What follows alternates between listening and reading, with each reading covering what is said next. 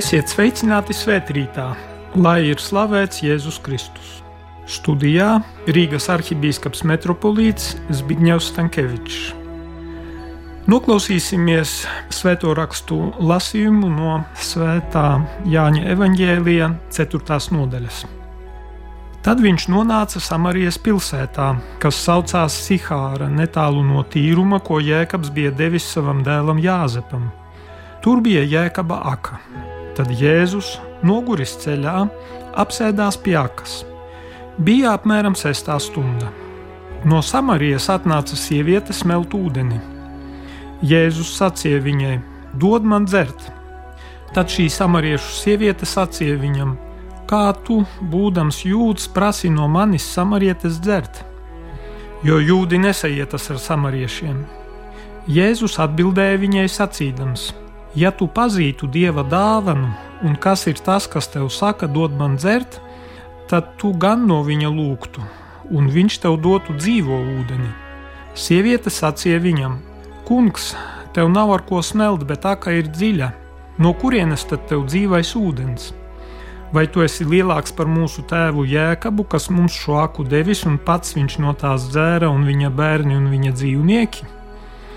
Jēzus atbildēja viņai un sacīja: Ikvienam, kas šo ūdeni dzer, atkal slāpst, bet kas dzers to ūdeni, ko es viņam došu, tam nemūžam vairs neslāps. Bet ūdens, ko es tam došu, kļūs par ūdens avotu, kas ved mūžīgai dzīvei. Sieviete sacīja viņam: Kungs, dod man šo ūdeni, lai man neslāpst un nav jānāk šurp smelt. Jēzus sacīja viņai: Ej, pasauc savu vīru un nāc šurp! Sieviete atbildēja un sacīja: Man nav vīra. Jēzus sacīja viņai: Tu pareizi pateici, man nav vīra, jo pieci vīri tev bijuši, bet kas tev tagad ir, tas nav tavs vīrs. To tu pareizi teici.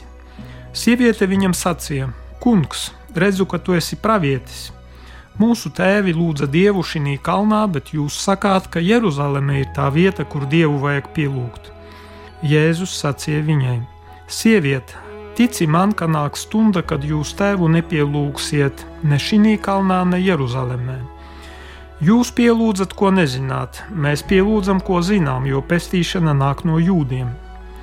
Nāk stunda, un tagad tā ir, kad īstie dievlūdzēji pielūgs tēvu garā un patiesībā, jo arī tēvs meklē tādus, kas viņu pielūdz. Dievs ir gars, un kas viņu pielūdz, Tiem viņš ir jāpielūdz garā un patiesībā. Sieviete sacīja viņam: Es zinu, ka nāk Mēsija, ko sauc Kristus. Kad viņš atnāks, tad visu mums pasludinās. Jēzus sacīja viņai: Es tas esmu, kas ar tevi runā.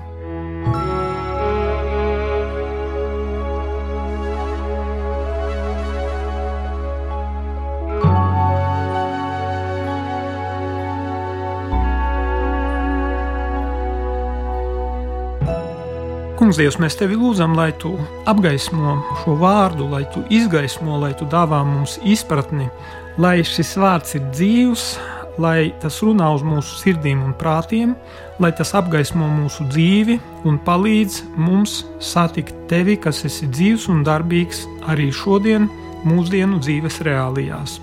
To mēs lūdzam caur Jēzu Kristu, mūsu kungu. Āmen!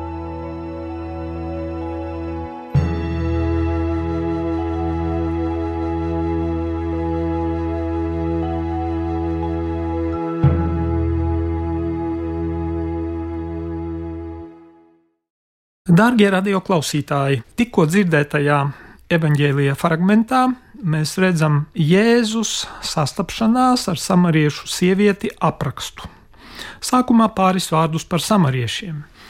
Viņi tika uzskatīti par herētiķiem, un jūdiem bija aizliegts ar viņiem stāties jebkādās normālās attiecībās. Tas būtu pirmais, jo viņi skaitījās nešķīsti. Otrais, jūdiem arī bija aizliegts sarunāties ar sievieti tādā veidā, publiskā vietā. Un e, tas, ka ir dienas vidus, tad, kad ir karsts, un samariešu sieviete tieši šai laikā atnāca pēc ūdens. Tas nozīmē, ka viņa gribēja izvairīties no citiem cilvēkiem. Un viņai tas bija pārsteigums, ka tur bija kāds, tas izrādās bija jūts, kurš pārkāpa tā laika noteikumus, paražas. Viņa ir ļoti pārsteigta, ka šis vīrietis ne tikai ar viņu runā, bet arī prasa viņai dzert. Tas nozīmē, viņš iziet ārpus tā laika paražu robežām. Sieviete viņam nu, praktiski atsaka, bet sāk ar viņu komunicēt. Un e, viņa ir pārsteigta, ka Jēzus sola viņai dot dzert, un pie tam dzīvo ūdeni. Jo dzīvais ūdens, tas nozīmē tas, kurš iztek no avota, kurš tek, kurš nav stāvošs ūdens. Un, protams, ka pirmajā brīdī viņa domā, ka Jēzus viņai piedāvā ūdeni no akas, tātad no lejas. Bet Jēzus pakāpeniski viņai atklāja, ka tas ir cits ūdens.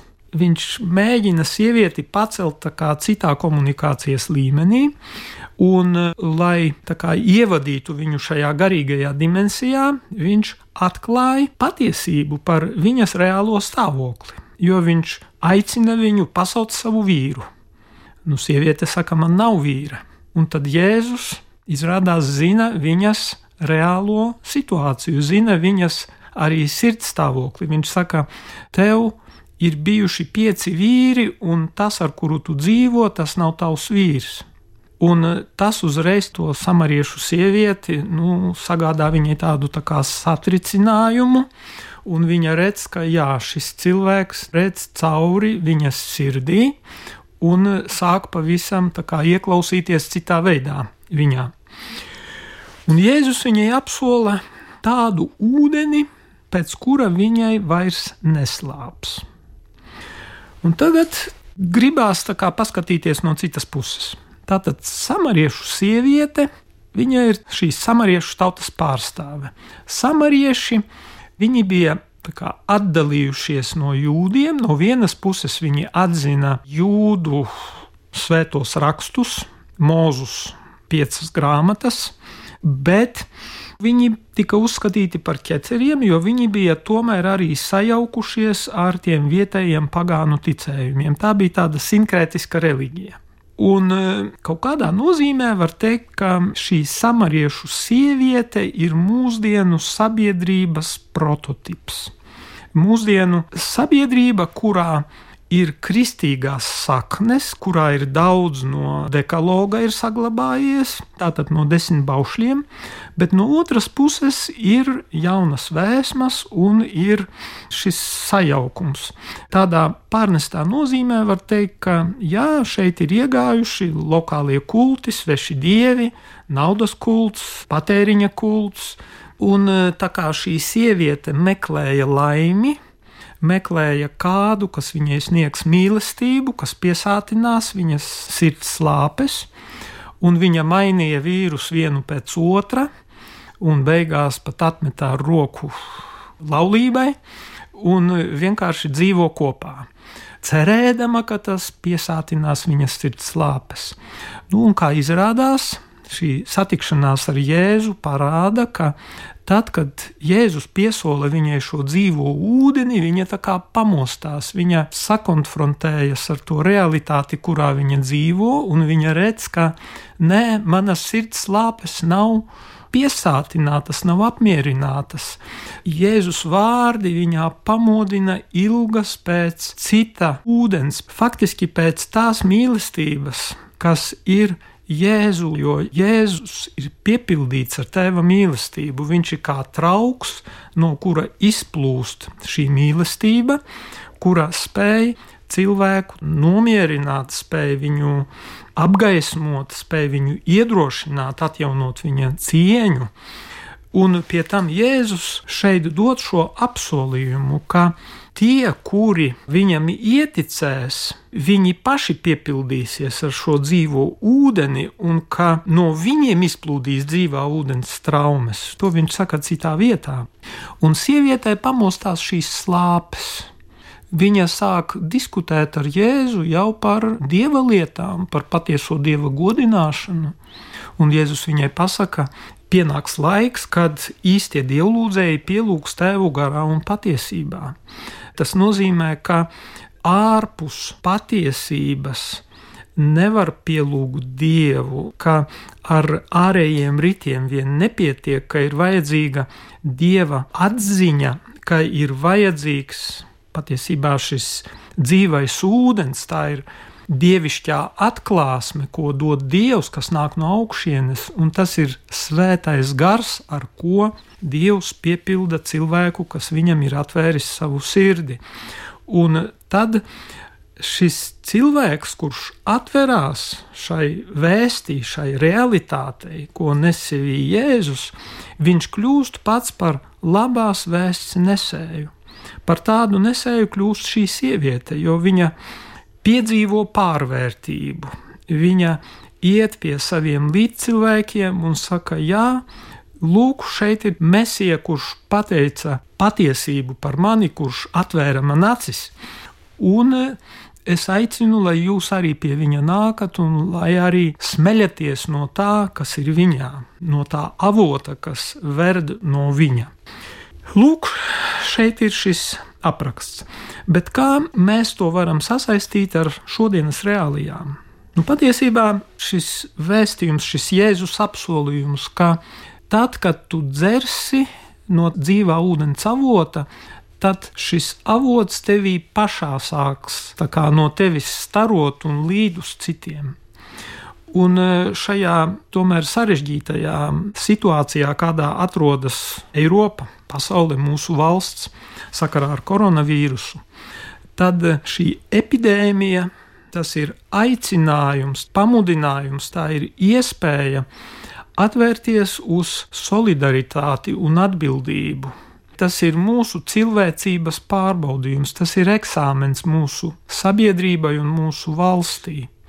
Ir svarīgi domāt tagad ne tikai par sevi, bet domāt arī par citiem tie, kas atgriežas no ārzemēm, izturēties atbildīgi, un, ja ir nolikts karantīnas laiks, tad to arī ievērot. Tad, ja ir mazākās aizdomas par to, ka kāds ir jau inficējies, tad nestaigāt apkārt, bet patiešām doties karantīnā un ievērot visus atbilstošo kompetento struktūru ieteikumus. Tātad ir svarīgi sadarboties ar kompetentajām iestādēm un respektēt tās lēmumus. Un ir svarīgi atcerēties arī to, ka cilvēka dzīves mērķis ir nevis labi iekārtoties uz mūžīgiem laikiem uz zemes, jo tas nav iespējams. Mēs visi esam mirstīgi un mūsu dzīves laiks ir ierobežots. Bet cilvēka aicinājums ir nokļūt debesīs un tur būt laimīgam uz mūžību ar Dievu un ar līdzcilvēkiem. Un šīs zemes dzīves laiks mums ir kā sava veida skola, kā sava veida eksāmens, lai mēs nobriestu, lai mēs atklātu to, ka nekāds patēriņa sabiedrības ūdens vai tās baudas, ko piedāvā pasaule, ka viņas ir pārējošas, ka viņām ir sava vērtība, bet tās nevar būt kā vērtība pati sevī, kā pati galvenā vērtība. Ir svarīgi atklāt to ūdeni, slāpt pēc tā ūdens, kas spēj apmierināt mūsu dvēseles slāpes un piepildīt mūs pašus ar to mīlestību, kas ir bijusi Jēzu Kristu un pēc tam viņa mācekļos, kas izplatījās vēlāk pa pasauli, un dot to līdz cilvēkiem. Un šī krīzes situācija, kurā šobrīd mēs atrodamies, nu, tā ir iespēja ņemt dalību šajā procesā, ļaut, lai caur mums izpaužas solidaritāte, atbildība, iejūtība, lai mēs palīdzam mūsu līdzcilvēkiem. Un tāpēc tagad lūgsim Dievu.